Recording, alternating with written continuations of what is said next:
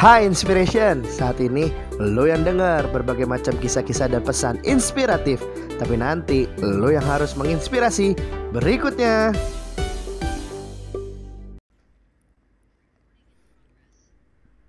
Hai Inspiration, gak kerasa nih kita akhirnya ketemu lagi di tahun 2022 Dan pastinya doa gue di tahun 2022 kalian uh, selalu diberkati oleh Tuhan dan bisa menjalankan tahun 2022 dengan luar biasa. Gitu guys. So, memulai podcast ini gue udah kedatangan seorang yang luar biasa. Wih, tuh ada ada ada oh ada ada tawanya gitu ya. Yang sepertinya sangat terkenal di dunia pelayanan anak gitu ya. Berkecimpung di dunia pelayanan anak. Hari ini kita ada Kak Lady. Halo Kak. Alvin Kurniawan guys. Woohoo. Apa kabar Bro Alvin? Baik Kak. Kami baik, baik. Aku baik Bro. Luar biasa ya. Oke, kami ini perkenalan yes. dulu buat teman-teman yang dengerin podcast inspirasi nih. Siap, siap, siap. Selamat pagi, siang, sore, malam teman-teman inspirasi ya bilangnya ya. Inspiration ya. Oh iya. Inspiration. Teman-teman inspiration eh, sobat inspirasi yang dengar podcast ini. Salam kenal saya Medi Hermisa saya seorang pegiat anak pelayan anak juga uh, eh, MC uh, hmm. dan MC-nya sampingan. Justru iya justru pegiat anak dan pelayanan anaknya tuh hidup. Hidup panggilan dan uh, jadi kehidupan saya gitu melayani anak-anak itu Wah. dulu Vin. Oke, luar biasa guys. MC guys, kalau butuh-butuh MC silakan. Kami melayani pernikahan, tidak melayani perpisahan ya. Perpisahan MC ya kayak. Siapa tahu kalau ada yang putus pengen ada acara oh, bisa Vin. Luar biasa acara penghiburan mungkin ya. iya, penghiburan, penguatan. ya kan. Sedap. Cuman ini Kak, uh, langsung ya. aja ngobrol-ngobrol ya. Saya sih sebenarnya penasaran uh, sama hmm. orang-orang hmm. yang punya hati atau punya pelayanan tuh ke dunia anak-anak. Karena buat saya pelayanan dunia anak-anak itu nggak mudah. Saya pernah dapat hmm. tahun lalu ya khotbah di Natal eh boin boin boin sharing firman gitu ya di Natal hmm. hmm. anak sekolah minggu. Temen saya bilang hmm. yang undang e, bro nanti uh, yang datang anak-anak SD lah kelas sekitar kelas 3, kelas 4, kelas 5, kelas 6. Wah, di otak saya, oh oke, okay, udah bisa interaksi nih, udah bisa denger, yeah. segala macam gitu kan. Tahu-tahuannya pas dateng dong, ya kan? Anak-anak sekolah, anak-anak TK, playgroup. Waduh, gue kebayang sih. Saya wah, langsung pikir keras, ubah gaya, kan udah disiapin nih, ubah gaya, ubah macam Wah, pokoknya berubah semuanya dan pengen pingsan nggak? Kan, wah, atraktif ya maksudnya semang mesti Iya, iya. Semangat gitu kan. Wah, itu nggak kuat. Makanya penasaran nih, Kamedi kayaknya kenapa gitu loh? Milih pelayanan anak di antara begitu banyak pelayanan. Ya, uh, untung tadi Alvin baru pengen pingsan kan? Belum pingsan kan? Belum. iya, Bro. Iya, pertanyaannya menarik sekali sih kalau bicara kalau banyak yang suka nanya gitu ya, kenapa yeah. memilih pelayanan anak. Saya tuh alasannya selalu sama dari setiap kalau ada teman-teman nanya, itu alasan yang paling kuat adalah karena panggilan Tuhan, Vin. Yeah. Jadi itu emang udah jadi jadi alasan mendasar dimulai dari tahun 2002. Mm. 2002 itu saya pelayanan di Bandung waktu itu ambil kuliah di Bandung, iya. ngambil yeah. teologi waktu itu terus Lulusan udah mulai teologi ya bro. Sedap. Di Bandung di Bandung Institut Teologi Indonesia. Jadi 2002 itu ambil S1 teologi di sana. Cuman memang sebelum ambil S1 teologi itu aku sempat sekolah misi. Namanya SP3 sekolah pelatihan penyiapan penuai penyiapan penuai. Wow uh jadi tahun 2000 awal itu Vin 2000-an itu itu tahun pergerakan banyak sekali KKR KKR yang mainannya lapangan tahun itu. Oh. Jadi kalau Alvin tahu uh, teman-teman tahu tuh zaman zaman tuh masih GMB, Frankie yeah, yeah, Hombing, yeah, yeah. One Way. Tua banget gue ya. Tapi itu legend-legend, mesti uh, movement pergerakan anak-anak muda uh. yang mainannya tuh lapangan gitu. Nah, tahun 2000-an itu ada satu gereja namanya MDC. Mereka bikin KKR KKR anak muda keliling Indonesia. Ya. Namanya Raimuna. Nah, hmm. itu aku, aku inget banget tuh tahun 2000-an itu mereka bikin KKR di Manado. Aku masih SMA kelas 2. Ya. Jadi ini ini cerita tentang story tentang panggilannya ya. Lalu ada KKR tiga hari. Nah aku tuh dari latar belakang gereja yang ke apa namanya gereja aras yang yang beda banget. Kalau sekarang kan gereja karismatik menjamur di mana-mana. Zaman itu itu masih awal-awal.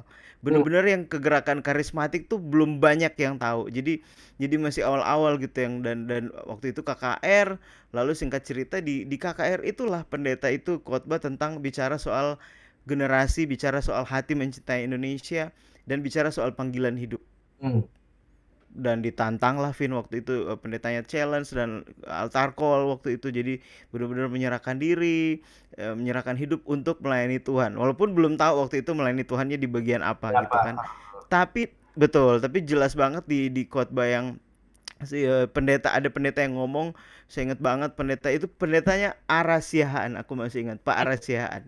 Hmm beliau khotbah beliau bilang ada anak muda yang di, akan dipakai sama Tuhan untuk melayani generasi dan singkat cerita saya sempat sempat juga di malam yang pertama itu nggak mau terima Vin jadi oh. kayak ah itu bukan aku itu bukan ya, gua ya, itu ya, bukan ya, gua ya. pasti orang lain sampai hmm. akhirnya Tuhan bicara secara personal dan saya terima itu dan akhirnya eh, dari Manado saya waktu itu di Manado Vin oh, Sulawesi gitu. Utara jauh banget wow. dan saya terima panggilan itu lalu menyerahkan hidup melayani Tuhan langsung merantau ke singkat cerita gitu ya merantau ke Bandung naik kapal laut dari Sulawesi Utara pelabuhan Bitung sana. Dan benar-benar pertama kali tahu tentang dunia di Pulau Jawa gitu ya karena ya, ya, ya. ternyata Indonesia luas banget. Uh, karena aku cuma benar-benar dari dari Manado yang nggak tahu apa pun kota lain akhirnya naik kapal laut dan uh, Surabaya lalu Bandung lalu Lembang. Jadi uh, uh, ini sedikit cerita tentang pengalaman atau kalau bilang tadi soal panggilan ini tuh kayak sejarahnya lah Ya, ya, ya. Jadi kenapa memilih anak-anak karena itu udah panggilan.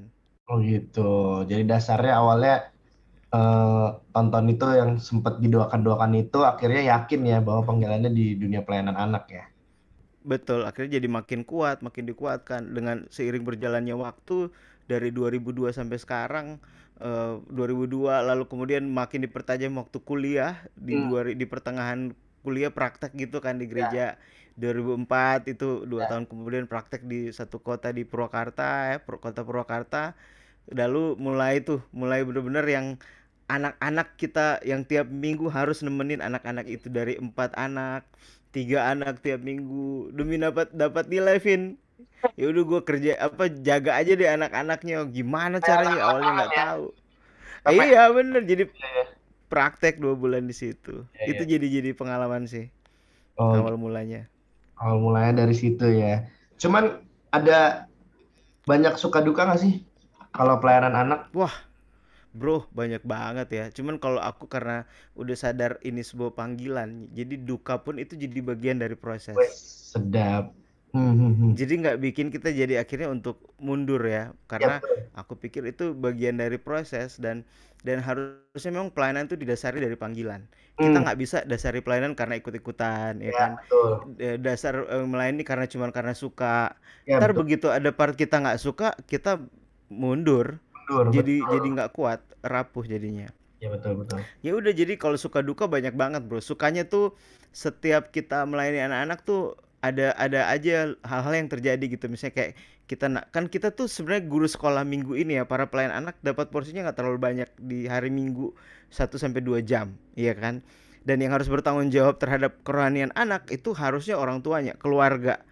Presentasi terbesar keluarga lalu kemudian sekolah masyarakat gitu lalu terakhir uh, gereja gitu ya. Nah hmm. saya melihat bahwa justru kita tuh bisa jadi apa ya penyuntik bisa jadi inspirasi buat orang tua. Bahkan kita bisa jadi orang tua anak di gereja gitu. Jadi jadi another papa mama buat anak-anak ini. Itu yang akhirnya saya melihat bahwa ternyata e, melayani anak-anak suka dukanya tuh banyak banget.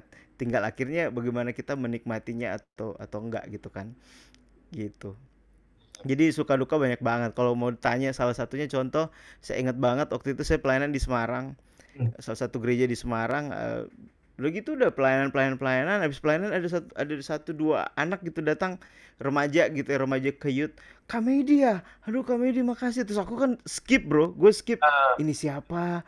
Kamedi aku anak-anak yang Kak Medi pernah pelayanan di Purwakarta. Itu udah tahun berapa eh, sekitar 5 6 tahun lalu saya ke Semarang. Jadi udah belasan tahun mereka masih inget saya dan saya jadi keinget masa awal-awal melayani anak-anak itu tahun 2004 itu. Wow, wow. Iya, jadi di, jadi anak yang di Purwakarta itu ketemu ketika mereka udah besar. Terus ini yang menarik, Vin. Mereka bilang, ah, ah, ah. "Kamedi, ada dua nih ya, dua dua Jesse sama satu lagi. Aduh, saya lupa satu lagi. Tapi Jesse ini yang aku ingat dia bilang gini, "Kak, aku sekarang pelayanan youth dan aku cinta pelayanan generasi karena waktu kecil aku ingat banget yang Kak Medi bilang, kalau kamu sudah besar kamu harus terus melayani Tuhan." Ya, itu ya. nempel buat anak-anak itu. Hmm. Nah, kesukaan-kesukaannya tuh yang kayak gitu, Vin. Jadi kayak kita lihat ada ada ada buah dari anak-anak yang kita pernah layani dan wow, kayak itu yang nggak itu kayak nge-charge banget untuk kita makin terus dalam panggilan ini. Ya, ya, ya. Kalau kata orang kan mungkin ya, mungkin saya nggak tahu nih. Saya kan nggak pernah pelayanan anak, dengar-dengar dengar-dengar aja nih. Ah, ngapain pelayanan anak? Gak ada duitnya. Kasarnya kan gitu ya. iya, iya, iya. Cuman kalau bagi saya yang kita di kami dibilang, uh, itulah kebahagiaan kita yang nggak bisa dinilai pakai uang. Ketika kita melihat anak-anak yang kita layani menjadi something di kemudian hari atau ada buah dari pelayanan kita gitu ya yang akhirnya menjadikan mereka juga turut andil dalam pelayanan generasi berikut-berikutnya itu menurut saya mungkin Kak Medi juga setuju gitu ya bahwa itu yang harganya tak ternilai dengan uang gitu ya. Mau uang berapapun juga kayaknya nggak bisa bayar deh untuk hal tersebut gitu ya. Betul Iya. Setuju banget, Vin. Setuju banget. Saya pengen respon yang tadi tuh, Vin, yang soal uh, duitnya kecil, nggak ada uangnya. Uh, iya, jadi kalau menurut benar-benar terkenal. Menurut gua ya, Vin, dalam kita melayani ter, termasuk anak-anak dan dalam pelayanan apa pun.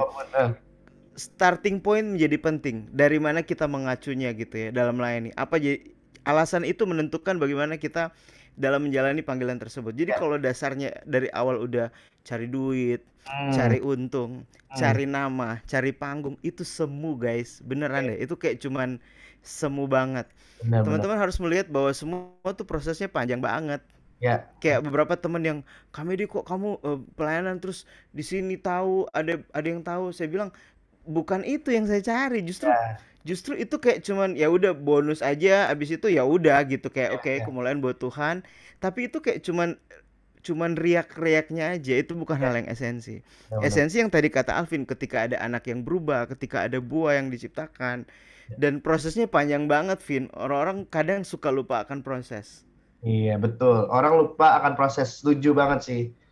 Orang cuman ngelihatnya kayak sekarang wih dia pelayanan ini pelayanan itu tapi babak belurnya kita berdarah-darah yang... kita persiapannya kita itu orang nggak lihat gitu kan. Iya iya. Pokoknya ngeliat bro. yang sekarangnya aja gitu ya kadang. Iya. Sementara kan prosesnya panjang gitu kan kayak Alfi dalam pelayanan. Nggak mudah belum drama dramanya belum ngulik persiapan firman Tuhannya belajarnya. Wah termasuk dalam pelayanan anak Vin. Yes. Nih kak penasaran kan Kamedi berarti pelayanan udah hampir 20 tahun nih pelayanan anak nih. Dari 2002 2004 itulah ya. Iya, yeah, 20 tahun. Ada nggak perbedaan anak-anak zaman dulu dengan anak-anak zaman sekarang? Berarti kalau kalau bisa dibilang Kamedi waktu awal mulai pelayanan itu saya itu di 2002 2004 tuh 20 tahun yang lalu saya masih 8, 8 tahun. Berarti saya sebenarnya masih umur-umur yang mungkin dilayani Kamedi waktu itu gitu kan. Bisa jadi, Vin. Generasi milenial. Sekarang kan udah generasi alpha. Yeah. Nah, yeah. milenial, Z, alpha ini kan ada tiga generasi yang berbeda nih. Gapnya banyak banget. Ada nggak perbedaan Siap. antara tiga generasi ini? Banyak bro, banyak banget perbedaannya, banyak banget. Bahkan istilah itu kan baru muncul belakangan terakhir ini ya. ya. Nah, nah uh, culture-nya tuh beda banget. Kalau dulu tuh kita berhadapan dengan anak-anak yang kayak nggak banyak informasi yang dia dapat. Yeah. Anak-anak yang yang kita sekali guru guru tuh ngomong satu arah. Ya. Yeah. Nurut sama ibu ya. Oke, dia tinggal ya siap Bu, ikut belajar. Hmm. Sekarang kita ada di dunia yang bener-bener anak-anak lahir. Kan saya kalau pakai perbedaan perbedaan yang sederhana adalah kita lahir di era kertas zaman dulu, eh, era hmm. kertas. Hmm. Anak sekarang lahir di era digital. Dia lahir udah touchscreen. Ya benar benar benar. Anak 2 tahun dia udah bisa skip iklan di YouTube, dia udah bisa download game yang dia mau. Ya, iya ya. kan? Nah, perbedaannya jauh banget sih kalau saya melihat uh, dari sisi bagaimana perubahan zaman, dari sisi tadi itu era kertas sama era digital. Yang sama adalah anak-anak sedang bermain. Hmm. Itu tuh masih sama tuh anak-anak adalah dunia bermain, anak-anak adalah dunia yang menyenangkan, fun, hmm. Happy, itu sama tuh itunya. Tinggal jenis permainannya yang berubah-berubah kan, bro. Ya. Jadi memang menarik sih melihat apa yang ada pada saat ini. Yang penting kalau menurut saya kita sebagai kayak pelayan anak kita harus terus mau upgrade diri gitu. Harus hmm. harus banyak ngulik, harus banyak nanya sama anaknya, hmm. harus tahu apa yang menjadi perkembangan zaman hari ini. Apalagi sekarang udah ngajar online guru ya. harus digital, harus cakap digital. Hmm, ya, ya, ya, ya. Cuman gini kak, satu satu hal yang saya lihat lagi nih ya, anak-anak zaman generasi ya. saya itu kan de, uh, apa ya senang dengan interaksi sosial. Kita tuh demen kalau bertemu teman secara langsung. Tapi kan anak zaman sekarang kayak kami dibilang serba virtual kak. Iya. Pasti beda dong cara apa ya? cara ngajar mungkin, cara memberikan firmannya atau cara apa pun lah untuk menggrab rasa mereka pengen dengerin kita kan perhatiannya lah, rasa perhatian mereka ke Betul. kita beda tuh. Seru dong berarti ya kayak. Seru banget, Vin. Apalagi kayak sekarang nih ya di dua tahun terakhir ini saya benar-benar bersama teman-teman pegiat anak nasional kami fokus karena memang anak-anak belum bisa keluar ya Ya. Sekarang kan lagi rame anak divaksin nih. Hmm, nah, dua tahun eh, setahun setengah sampai dua tahun terakhir-terakhir inilah kita banyak bener-bener eh, online nih jadi jembatan untuk kita kalau bahasa kita tuh O2O, jadi online to offline. Kita hmm. berkolaborasi dengan orang tua meskipun online, kita bisa buat satu kegiatan, satu aktivitas yang melibatkan orang tua untuk eh, berkegiatan di rumah gitu ya. Dan itu yang benar-benar kita kita tajamin soal bagaimana melayani online dengan kreatif. Ya, ya, ya, ya, ya. Berarti sekarang lebih ke bagaimana dari kakak-kakaknya ini bisa berkolaborasi dengan orang tua ya. Betul, Bro. Karena kalau kalau kita melihat sekarang ya di, di ngajar online gini, Bro ya, kolaborasi itu energi loh. Hmm. Jadi kita sebagai sebagai para pelayan tuh harus bisa di mana kita mau berkolaborasi, mau berjejaring. Setuju Karena sih. udah zaman Eternals, Bro. Udah nggak Superman, Superman is dead. Iya, iya, iya, iya. Benar, benar, benar, benar. Avengers, Eternals, ya kan? Iya, iya. Di mana-mana sekarang udah emang trennya kolaborasi ya. Mau apa pun ya. kolaborasi. ya. Betul, sama tim udah udah mainannya tim, super tim jadinya. Ya, makanya benar. Gereja juga harusnya sekarang juga mulai mulai apa ya berani terbuka ya bahwa bukan bicara tentang mungkin uh, nama pribadi, nama gereja sendiri, yeah. organisasi sendiri, yeah. mana kita bisa menjangkau sebanyak-banyaknya aja jiwa. Entah Setuju, dia mau bro, udah nama Kristus, bukan nama gerejanya. Betul, entah dia mau di mana pun, yang penting dia jadi pengikut Kristus saja gitu ya. Setuju, itu mindset yang benar tuh bro. benar, benar, benar, benar. Nah, balik lagi kak. Tadi kan kak ada nyinggung nih tentang uh, seharusnya orang tua itu yang menjadi hal utama tanggung jawab terhadap pertumbuhan khususnya eh, kita kan lagi ngomong kerohanian ya kerohanian terhadap yeah. tapi kan masalahnya sering kali banyak orang tua yang mengira bahwa tanggung jawab kerohanian itu ada di guru sekolah minggunya ada di kakak-kakak yeah. sekolah minggunya nah bagaimana caranya Kak Medi bisa apa ya maksudnya menyadarkan orang tuanya juga bahwa oh kita ini cuma sejam dua jam seminggu tidak mungkin bisa mengubah secara karakter dan lain-lain dalam kehidupan dia gitu ya. Meskipun mungkin ya kayak tadi kami dibilang ada sesuatu yang ditanam-tanamkan yang akhirnya juga melekat dalam kehidupan dia. Tapi kan akan jauh lebih baik ketika orang yang berada bersama dia setiap hari yang menanamkan terus gitu kan. Setuju. Dari Kak Medi sendiri ya. itu jadi kalau kalau saya gitu ya kayak sekarang saya pelayan di satu gereja, kami selalu berusaha untuk uh, bekerja sama dengan orang yang mengambil keputusan di gereja, orang kuncinya. Dalam hal ini Pak Gembala, hmm. peng, eh, pengurus yang mengambil keputusan. Jadi perlu sekali kolaborasi antara para petinggi gereja dengan kita sebagai guru sekolah minggu untuk membuat sebuah sebuah kurikulum, membuat sebuah jejaring di mana parenting jadi penting. Ya. Kita mengajar anak, kita juga ngajarin orang tuanya gitu dan itu harus satu frekuensi. Di mana orang tua pun harus diubah. Karena yang paling susah tuh ngubah orang, Bro. Yes. Jadi setidaknya adalah kita ngerubah mindset dulu nih. Mm-hmm. Karena bener banget yang Alvin bilang, nggak semua anak bisa bener-bener menaruh kasih sayang dan bertanggung jawab terhadap kerohanian anak-anak. Hmm. Ya, banyak orang berkorban ke kasih sekolah yang paling mahal, kasih iya. mainan termahal, kasih handphone termahal, tapi dia lupa hal kerohanian jadi sangat-sangat krusial banget buat ya. anak.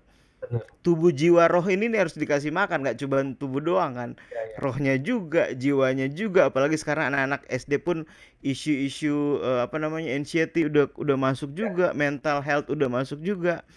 Anak-anak SD loh. Eh. Jadi banyak sekali tuh mainan-mainan yang stress release gitu loh, Bro, yang pencet apa.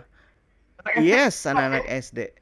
Yes, jadi anak dia punya permasalahan sendiri di usia dia, Bro Iya iya iya. Ya. Sebaliknya, sebaliknya anak bisa ngalamin Kristus seusia dia, ya. anak kecil pun.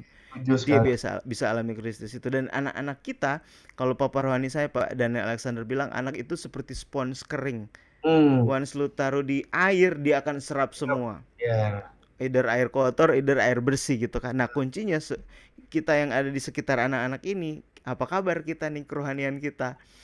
Karena anak tuh lihat contoh, anak lihat teladan dan dan teladan tuh jauh lebih berbicara keras dari semua teori apa pun kan. Jadi pada akhirnya kami mencoba membangun gitu ya dari komunitas pegiat anak di gereja tempat saya layani pun untuk orang tua juga harus disadarkan tentang pentingnya anak-anak mendapat makanan rohani ini. Dan itu prosesnya panjang bro.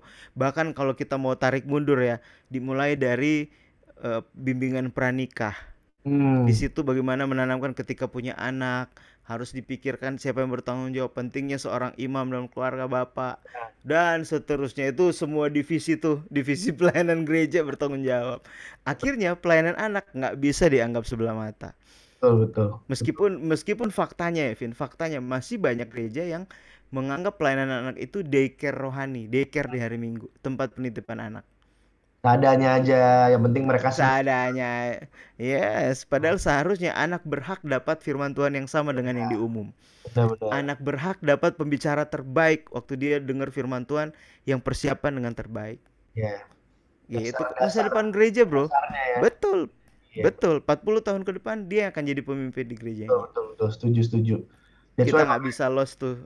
Bener banyak orang-orang yang ya kayak Medi dipanggilnya di pelayanan anak, sedangkan saya misalkan anak muda. Sebenarnya semuanya penting. Ya. Yang orang tua penting, Bro. Iya, benar. Betul. Akhirnya Vin ya, ketika kita lihat ini pada akhirnya kata kolaborasi tadi itu itu harus ya. jadi milik semua lini pelayanan di dalam satu gereja. Betul, betul, betul. Itu yang Tuhan Yesus bilang kayak perlu sekali kesatuan. Kesatuan tuh di dalam di dalam hal semua lini pelayanan. Ya, ya, ya. Sedihnya faktanya jadi saing saing bersaing kenapa sih jadi iri hati? Kenapa anak nggak di kenapa youth yang di kenapa umum? Gitu kan. Ya, ya. jadi akhirnya udah kita sibuk di dalam terus nih. Kita lupa ada hal yang lebih esensi buat anak-anak kita. Betul betul. Dunia bisa berkolaborasi untuk memenangkan hati mereka ya. Kalau bicara hmm. tentang hati ya. Kenapa gereja nggak yes. juga bergandengan tangan untuk memenangkan hati mereka supaya mereka bisa mengenal Kristus gitu ya Contoh itu dulu dulu hal yang sering saya nonton ya waktu waktu masih kecil ya. Nickelodeon tau nggak? Nickelodeon nggak? Nickelodeon tahu tahu. Suka bikin acara akbarnya gitu ya. Nickelodeon yeah. apa gitu. Itu kan wow keren banget ya kalau menurut saya waktu zaman itu ya. Tapi kayak yeah. belum pernah melihat gereja yang sampai segitu seriusnya kayak mereka gitu ya. Mereka kan cuma buat hiburan ya. Kasarnya cuma buat hiburan gitu kan. Tapi Betul digarap, dilakukan dengan maksimal mungkin. Serius. Anak-anak yang ya mungkin nggak nggak nggak bisa ngapa-ngapain juga sih. Paling mereka senang ya udah selesai. Kan beda kalau sama yang gede-gede. Senang besok kalau ada lagi bisa gimana bisa gimana itu kan beda. Cuman kayak saya nggak tahu ya apa karena emang saya dulu juga salah satu anak yang tidak terjangkau hidupnya gitu ya. Jadi nggak tahu. Untung Tuhan sudah jangkau sekarang ya.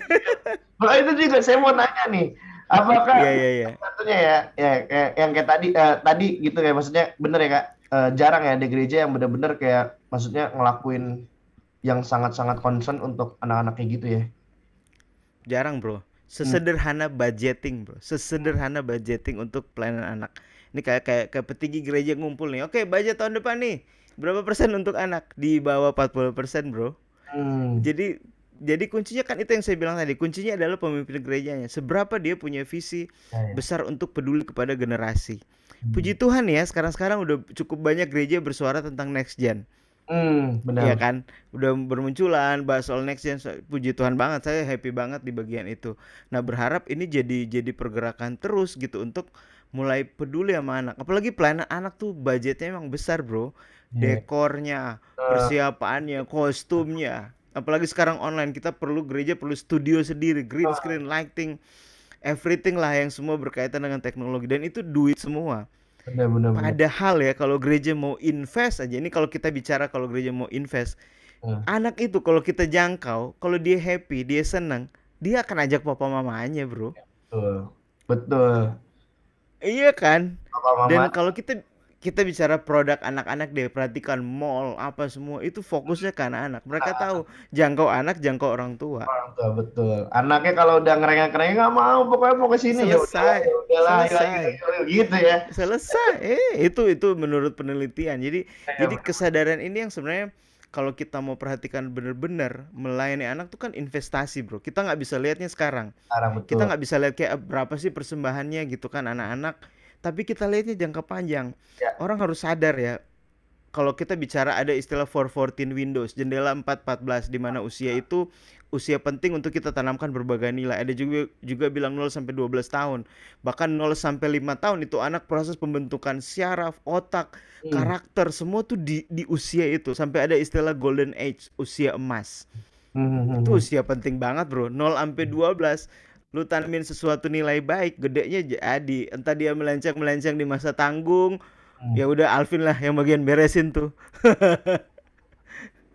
iya kan tapi dia nggak akan jauh dia akan balik lagi Amsal kan bilang kan soal di, didiklah anakmu ketika dia masa besar dia nggak akan jauh daripada itu gitu jadi jadi kayak penting banget generasi bahkan Yesus pun harus ada jadi manusia dia ada di usia anak-anak waktu murid-murid marahin anak-anak yang mau samperin Yesus, Yesus marahin murid-muridnya. Ya.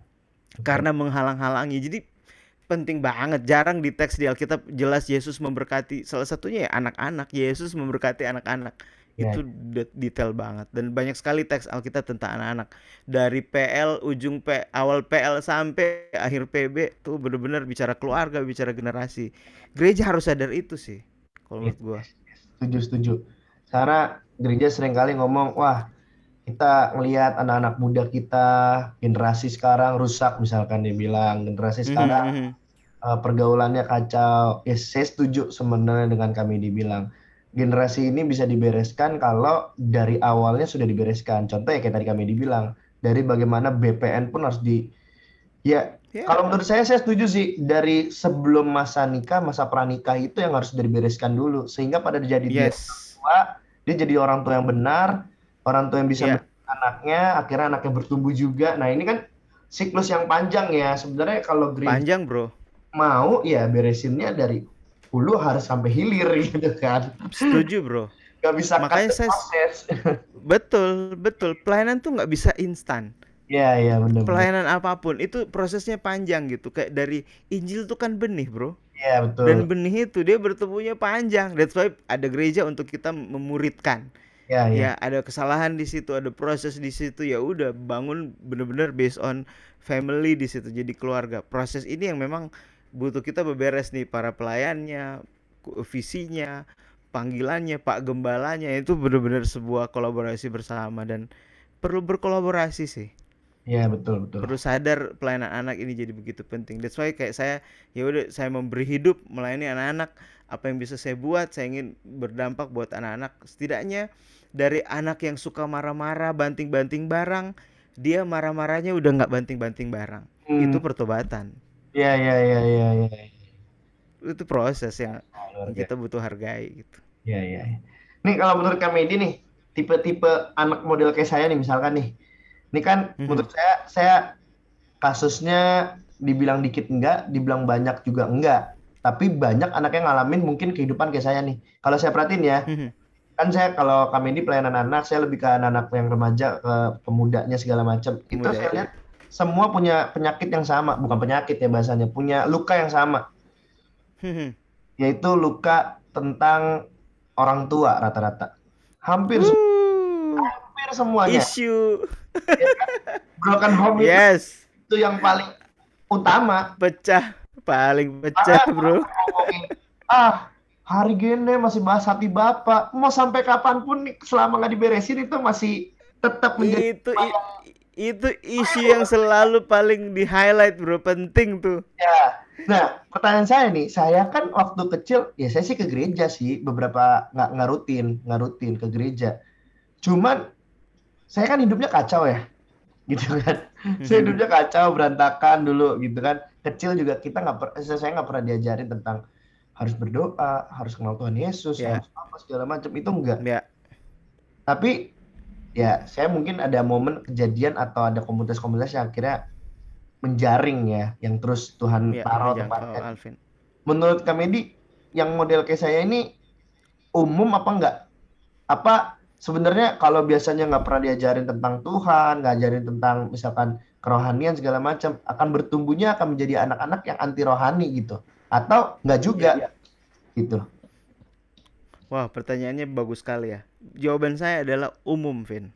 Umum. Ini saya temu dari saya ketemu ya, ya saya uh, puji Tuhan Tuhan percaya kan saya kemarin sempat hitung udah sampai uh, 30 provinsi di Indonesia dari awal 2004 itu dan salah satu sesi yang paling saya suka banget sesi hati Bapak. Dari yeah. tahun itu sampai tahun sekarang, Bro, masih laku dalam tanda kutip karena karena gini, semua dimulai dari rumah. Ya. Everything start at home. Yeah. Mau bicara apa pun, bro, ya love start at home, ya. ya anger, ya, hmm. apa pun, semua itu dimulai dari rumah, termasuk kasih sayang. Yeah. Saya nggak bicara cari papa yang sempurna, nggak ada orang tua yang sempurna. Yeah. Kayak papa saya nggak sempurna. Hmm. Tapi kan bagaimana papa yang setidaknya dia hmm. mau kenal dan mau lebih baik, itu aja sih sebenarnya. Yeah, yeah. Jadi tidak semua papa paham ini. Jadi kalau bicara soal apakah ini masih umum?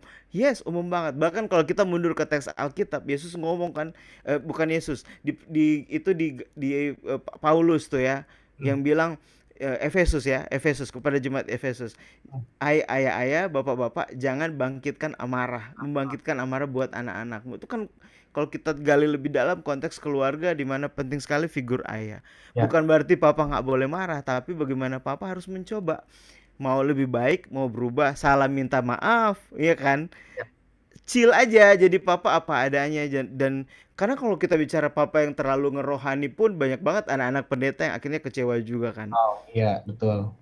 Iya kan bro? Jadi makanya saya bilang sebenarnya figur ayah tuh isu yang masih sangat-sangat masih pecah aja. Jadi kalau aku bagian sesi soal bahas keluarga bro Hmm. Begitu belum altar call, aku kayak lagi online, saya cuma putar instrumen, saya cuma bilang misalnya contoh, mari adik-adik, anak-anak, kalau ada yang pernah sakit hati sama papa, itu di di screen tuh udah pada pecat, pada nangis semua tuh anak-anak. Hmm. Kayak ngerasain gitu, saya ngerasain saya pun ada di di posisi di mana papa saya dulu kecil pernah pukul berlebihan, saya ada masa pernah kecewa sama papa, ya. yang kayak gitu-gitu kan. Tapi apakah saya jadi benci papa saya? Kan karena karena firman Tuhan saya jadi mau mengampuni papa saya. Papa saya mau berusaha lebih baik, minta maaf sama mama, and then ada kasih di antara itu gitu. Hmm. Nah, nilai ini yang harus kita tanamkan. Sekali lagi balik lagi nggak cuma ke anaknya. Let's say kita beresin anaknya, Devin. Yeah. Anaknya udah beres. Apa kabar papa mamanya? Ya. Yeah. Tuh. Kita udah ngajarin jangan maki-maki anak. Iya siap Kak Medi. Pulang rumah papanya maki mamanya depan anaknya Betul. Mundur lagi pengajaran kita. Gitu, Vin. Jadi menurut saya, iya men 80 persen, eh, asli. Makanya gue bilang 80 persen di Alkitab itu bahasnya isu keluarga. Ya, ya, ya. Bagaimana nilai-nilai itu harus kita khotbahin ke orang tua dan juga ke anak-anak. Makanya nah. kalau dapat part saya bagi ke anak-anak, yuk sayangi papa mama, hormati papa mama. Mm -hmm yang kayak gitu-gitu gitu. Jadi kayak kita duluan yang harus menjadi pembawa damai dan terusnya. Iya benar-benar. Seru banget kalau bahas keluarga bro. bahas keluarga emang nggak pernah habis ya, apalagi bahas tentang pelayanan. Gak pernah habis. Bahas tentang pelayanan. Nah, tentang kayak Al kayak Alvin aja di Alvin tadi bilang dulu hancur, tapi bagaimana Tuhan bisa memproses itu? Tuhan bisa ubahkan Alvin jadi berkat buat di rumah sekarang. Iya, iya, betul. Nah, itu kan prosesnya panjang tuh. Kalau orang tua sadar, orang tuanya sadar, saya percaya kalau orang tuanya jauh lebih sadar, Alvin akan lebih boom lagi. Iya. Artinya semua bisa diberesin kan, tinggal bagaimana kita mau lebih baik bersama Tuhan. Iya, betul. Setuju, setuju, setuju banget, setuju banget. Kak, gua pengen sama sama lu, Kak. Boleh dong eh apa kayak cerita kayak apa kayak atau kalau lagi pelayanan anak nih, tapi ini kan cuma suara nih. Satu dua menit aja. Mana gitu. Biar teman-teman boleh, boleh. ini namanya jebakan Batman nih. Siap. Eh, eh, eh, eh, adik-adik, ada yang lihat handphone kami ini nggak? Waduh, aduh, HP aku aku taruh di mana ya? Eh, di kamu ya, adik Alvin ya? Wah, nggak ada juga di Alvin nggak ada coba di adik adik Bobby Bobby wah aduh nggak ada juga di adik Bobby handphone Kamedi di mana ya? Aduh. Eh ternyata ada di adik Yuni. Yuni istri gua. Wah ada di adik Yuni. Aduh Happy banget rasanya Kamedi waktu mencari handphone Kamedi yang hilang ketemu di adik Yuni. Adik-adik, nih bayangin ada di Alkitab seorang gembala, gembala itu kehilangan satu dombanya. Begitu dia ketemu satu dombanya, dia langsung happy banget adik-adik. Wah, Kamedi jadi ingat Tuhan pun begitu ketika ada satu adik-adik, satu anak-anak yang tadinya hilang, pergi, bikin salah, bikin dosa, tapi mau berubah, mau jadi lebih baik, mau jadi lebih baik. Tuhan mencari kamu dan kamu disayangi sama Tuhan dan seterusnya. Kira-kira begitulah bro, kurang lebih. luar biasa, luar biasa. Ini, ini sayangnya ya, saya podcastnya cuma suara gitu ya. Ini kalau teman-teman ini kan kita recordnya nih ya pakai audio ya bro. Nah, kalau teman-teman lihat itu ekspresi emang wah berarti bener-bener ya segala daya upaya tuh kalau pelayanan anak mesti dikeluarkan semua ya. No jaim jaim All out bro. Selesai bro. Apalagi kayak sekarang kalau saya online, jadi saya tuh mainannya bener-bener gimmick ya bro. Sayang sih kita audio next time lah kalau apa kita video. Jadi bener-bener gimmick virtual background, back sound, filter, efek-efek itu semua saya mainin. Jadi apalagi sekarang anak-anak audio visual kan. Jadi bener-bener kita kasih makan apa yang dia lihat sama apa yang dia dengar. Kinestetik, gerak, ayo berdiri, bener-bener sambil main dia belajar value firman Tuhan. Dan nilai itu masuk, Vin itu ya, ya, sedikit ya. banyak Roh ya, Kudus tumbuhin dan itu mengubahkan dan itu sangat mahal rasanya. Luar Di situ biasa. sukanya. Biasa. Luar biasa, luar biasa, luar biasa, Kak. Emang dahsyat ya. Saya tuh pernah juga Tuhan. pas pelayanan misi ya ke Jawa Tengah Ungaran kalau nggak salah daerah Ungaran. Mm -hmm. Desa apa ya namanya? Itu juga gitu pakai wig warna-warni. Yo, jadiin kayak batu suruh joget-joget. Yo, Wah. Seru. Saya ikut aja lah pokoknya. Apa yang disuruh saya ikut aja pokoknya. Dan tapi menyenangkan tuh. Iya, seru sih, seru. Jangan saya nggak. Seru, vibesnya seru. Nggak kuat bener. sekali gitu. Kalau pelayanan anak tuh capek sekali, energi. Iya. Terus ya kalau kita khotbah ke audiens yang lebih muda kan ekspresi juga nggak terlalu yang sampai kayak kita betul. kan itu wah energinya sih benar-benar terkuras sih kalau pelayanan anak. Saya makanya salut sama orang-orang yang mau terjun pelayanan anak gitu ya. Waduh dahsyat dahsyat dahsyat. Oke kak. Terakhir nih kak. Puji Tuhan. Siap. Ya pesan kakak buat semua yang dengerin podcast inspirasi. Ini sih yang dengerin banyak kan anak muda nih. Banyak kan okay. anak umur 18 sampai 28 tahunan. Tapi ada juga yang tua. Siap bawah. Siap. Pesan kakak buat uh, semua yang dengerin podcast inspirasi sebagai seorang yang terjun di dunia pelayanan anak gimana nih? Apa yang mau kakak sampaikan? Siap, teman-teman. Uh, podcast inspirasi kita ada di era pandemi ya. Kita lewatin era dua tahun ini era yang nggak mudah. Di mana hmm. kita nggak bisa andelin siapa pun. Ya. Yeah. Di mana kita nggak bisa pakai link, uang, jabatan semua tuh kayak selesai aja. Nah, hmm. ada satu yang yang kita yang kita harus perhatikan baik-baik adalah buat apa kita hidup di dunia ini. Jadi penting sekali kita tahu panggilan Tuhan dalam hidup kita. Ya. nggak harus jadi full time hamba Tuhan sama seperti saya full di pelayanan anak no no teman-teman podcast inspirasi bisa jadi apa pun di bidang kalian tapi tetap mau melayani dengan bidang kalian ya saya bangun bersama teman-teman satu movement namanya tim ceria Indonesia hmm. kami fokus ke anak-anak yang kena bencana Vin hmm. di mana kalau ada bencana di mana pun dimulai dari Sinabung 2010 ya. lalu akhirnya movement ini bergerak terus kami tim intinya jadi 9 orang di hmm. mana hmm. setiap ada anak-anak yang di tenda-tenda sementara di daerah-daerah bencana itu kami turun. Ya, ya. Sembilan ya. orang ini ada pengusaha, ada dokter, hmm. ada direktur, pegiat anak, dan akhirnya bisa jadi sebuah kolaborasi yang punya hati sama buat anak-anak. So teman-teman cari tahu potensi apa yang kalian punya, jadi jadi hidup dalam panggilan tersebut dan jangan buang-buang waktu kita lagi berebutan dengan dunia untuk menjangkau jiwa. So cari panggilan Tuhan dalam hidup kalian apa dan maksimalin. Kalau masih bisa hidup hari ini, kasih yang terbaik karena kita nggak pernah tahu di depan apa yang terjadi. So semangat terus temukan panggilan Tuhan dalam hidup kalian, sobat uh, podcast inspirasi. Ya, yeah, thank you banget ya Kak Medi ya. Wow, hari ini dengan senang hati, Bro.